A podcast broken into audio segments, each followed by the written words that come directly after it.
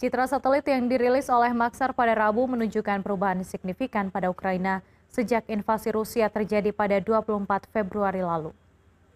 Sempat mengalami kesulitan melakukan penginderaan satelit akibat tebalnya asap yang menutupi Ukraina. Maxar memerlukan tiga satelit untuk melakukan pengambilan gambar. Citra terbaru yang didapat menunjukkan hancurnya beberapa rumah di lokasi pemukiman dan bisnis di Ukraina. Gambar juga menunjukkan antrean panjang warga Ukraina di sekitar supermarket.